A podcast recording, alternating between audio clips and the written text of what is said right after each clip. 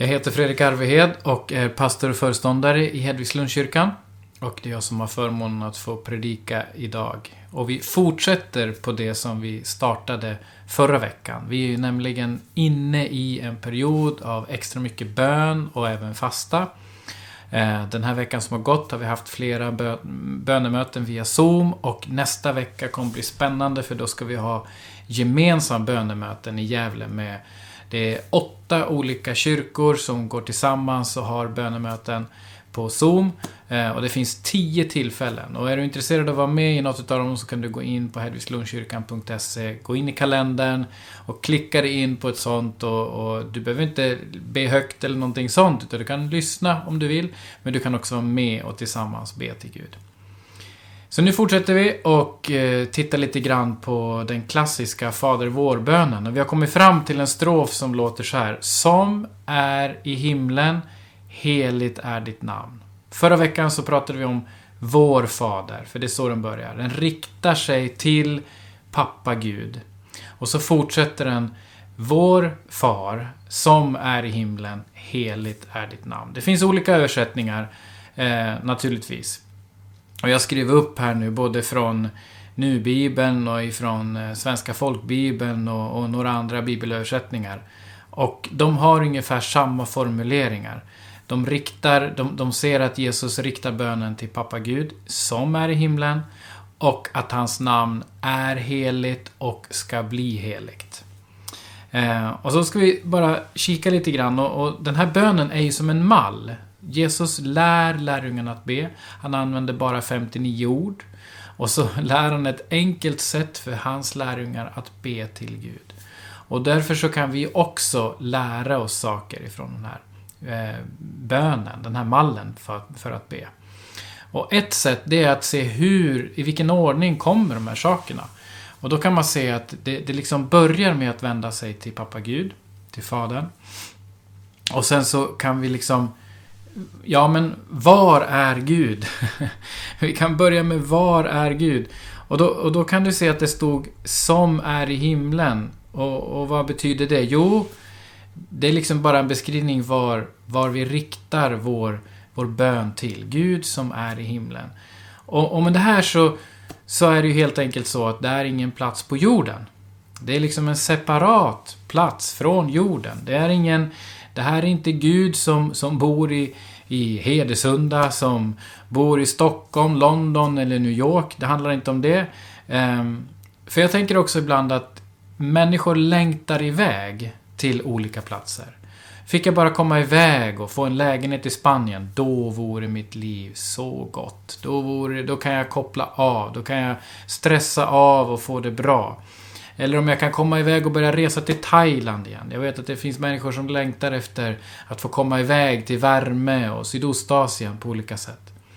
Men vi vet också när vi har gjort, fått, var, fått möjlighet att resa, att absolut är det häftigt att komma till nya platser. Eh, uppleva nya kulturer, äta god mat och, och se nya saker. Men de innersta frågorna besvaras sällan av att resa någonstans. Och i den här bönen så, så uttrycks det så bra att det är Gud som är i himlen som vi får be. Och det står inte heller Gud som är i Sverige. Och jag vet att det finns många som har längtat att få komma till Sverige, få komma till en plats som man anser är trygg och som man, som man liksom ibland kanske har målat upp som någon slags eh, idealplats där det ska bli så bra. Det ska bli liksom, här ska livet eh, få en ny vändning och få, få liksom, saker och ting ska rättas ut. Men du kanske finns med här som liksom haft den där stora längtan och kommit hit. Och så märker du att det finns utmaningar. Du vet inte om du får stanna. Det kan vara så att du hamnar i... Jag vet flera, flera som, som hamnar i det här att man är här, men man vet inte om man får stanna. Eh, och har du fått stanna så kanske du har svårt att få jobb. Det är svårt att ta sig in på arbetsmarknaden. Det kan vara svårt att liksom förstå kulturen som är så annorlunda mot där du kommer ifrån. Och varför blir du aldrig hembjuden till någon? Varför funkar det så i Sverige? Och så ser du liksom att, ja, det här, det är inte bara, Gud bor inte i Sverige. Eh, Gud finns i himlen. Eh, och så är det. Och, och, det kan låta långt borta? Ska vi rikta oss till en Gud som är långt ifrån oss? Och vi förstår ju samtidigt att det kanske inte handlar om ett antal kilometer. Vi, vi förstår att Gud inte står och, och liksom gömmer sig bakom Jupiter ute i världsrymden och kisar mot dig och mig och ser om vi gör några goda gärningar. Vi, vi, vi fattar på en gång att ja, men, om Gud nu finns så är det ju inte så det fungerar. Det är inte liksom ute där han tittar på dig och mig. Um, utan, utan det finns i den här bönen Gud som är i himlen. Och då förstår vi att himlen Ja, det är en annan dimension, en annan verklighet, en annan plats än det vi har här på jorden på något sätt. Men samtidigt så vill jag direkt också säga det att Bibeln beskriver det också som att Gud är nära. Att Gud kan få vara riktigt nära dig och nära mig. Och det finns, det finns bibelställen på det. Jag vill, jag vill gå direkt in i, i Efesierbrevet 5.18 Där det står så här. Berusa er inte med vin. Det leder till vårdslöshet. Låt er istället uppfyllas av anden. Och vad då för ande? Jo, den helige anden. Det finns många andra bibelställen som visar på hur vi kan få bli fylld av den helige ande. Som är Gud själv. Vad då Gud? Ehm, vi brukar prata om Gud som Fadern, Sonen och den helige Ande. Och vi brukar ibland rita upp det som en triangel på det sättet med tre olika spetsar. En triangel, men tre olika hörn. Och man kan beskriva det här med treenigheten. För det handlar inte om olikheter inom Gud, hos Gud. Det handlar inte om, om vitt skilda karaktärsdrag. Utan det handlar om att, att Gud eh, är pappa Gud, Fadern, skaparen. Han är sonen som, som Fadern skickade till jorden för att Gud själv skulle komma till jorden och, och gå på våra smutsiga vägar. Verkligen se våra förhållanden. Eh, gå hela vägen med detta. Bli svettig, bli hungrig, bli törstig, bli ledsen, bli kissnödig. Alltså bli, komma som människa, vara människa.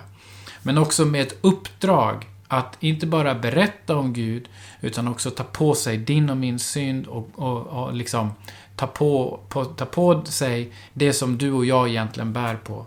Och så dog han på, på korset och uppstod på tredje dagen och eh, skapade en försoning som du och jag bara får tacka för och komma nära. Eh, men också som den helige Ande. Att Gud är som den helige Ande, är den helige Ande. Och det var, Jesus sa, det är bra att jag lämnar er, sa han. Därför att då kan den helige Ande komma. Och när den helige Ande kom så är Gud eh, genom den helige Ande fullständigt obegränsad av tid och rum. När, när Gud klev in som människa så begränsade han sig själv så att han som människa kunde gå från en plats till en annan plats. Och, och man går i, vad det nu är, fyra kilometer i timmen. Och, och liksom, Gud begränsade sig själv till att möta ett antal människor. Men när han lämnade jorden och var klar med sin uppgift, så sa han, snart kommer hjälparen. Vänta! Och så kommer den helige Ande och helige Ande är helt obegränsad av, på det sättet, tid och rum. Och det, det är någonting fantastiskt. Och Efesierbrevet säger, låt er uppfyllas av den helige Ande. Det betyder att när vi ber Gud som är i himlen, så okej, okay, vi har en riktning, vi förstår att det inte är Sverige, vi förstår att det inte är det här jordliga, jord, begränsade, eh, utan det är i en annan, i en annan verklighet, en annan dimension. Men du ska också veta det, att Gud vill vara dig så nära, så att du kan liksom fyllas av Gud själv, för att kunna ha kraft för den dag du står i och de uppdrag du står i. Och det är den helige Ande. Det är Gud själv.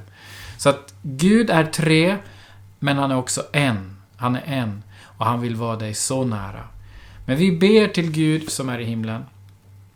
Och så finns det någonting direkt efter där som heter Heligt är ditt namn. Och det här är intressant. Jag vill läsa ifrån Jesaja eh, kapitel 6.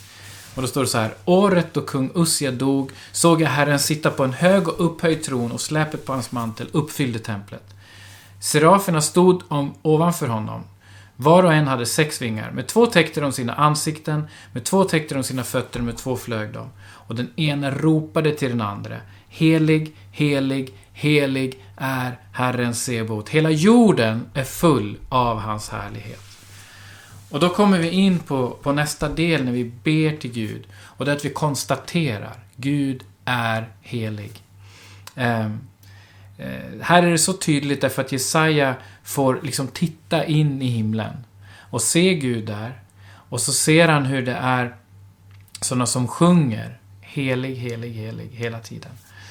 Och vad betyder det? Jo, det betyder att Gud är utan brist, utan smuts, utan gråskalor faktiskt. Det står i första Johannesbrev 1 eh, och 5. Gud är ljus och inget mörker finns i honom. Gud är ljus och inget mörker finns i honom. Och när vi närmar oss Gud, Gud som är i himlen, helgat vare ditt namn. När vi närmar oss Gud själv och han är helig.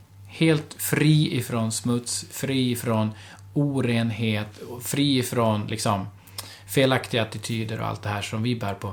Då kan vi ibland upptäcka vår egen smuts.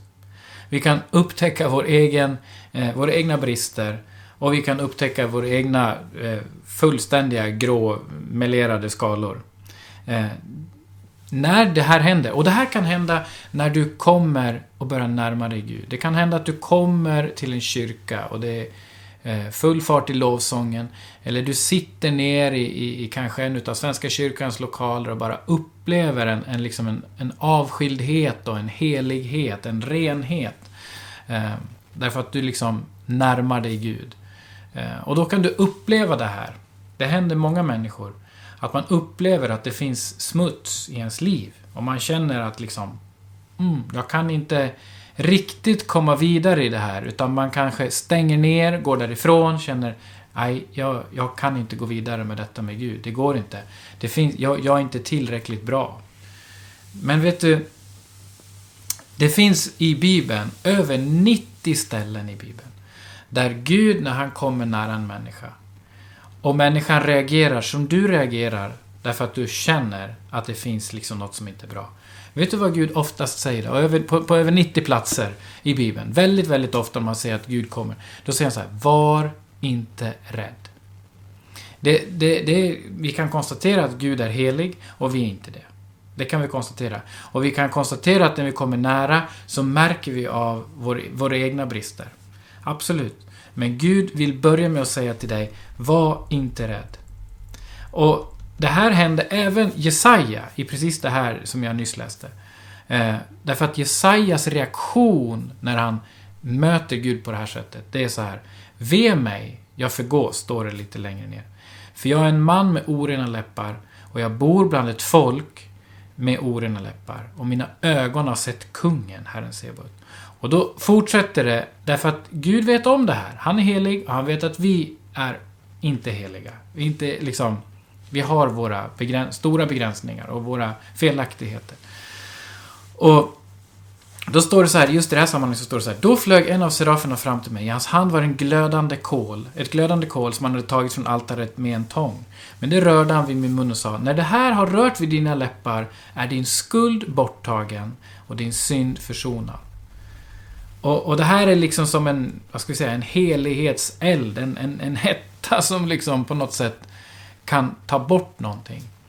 Och eh, jag tycker om att, att, komma till våran stuga. Vi har en stuga och jag tycker om framförallt att komma dit och elda. Vi har en kamin där.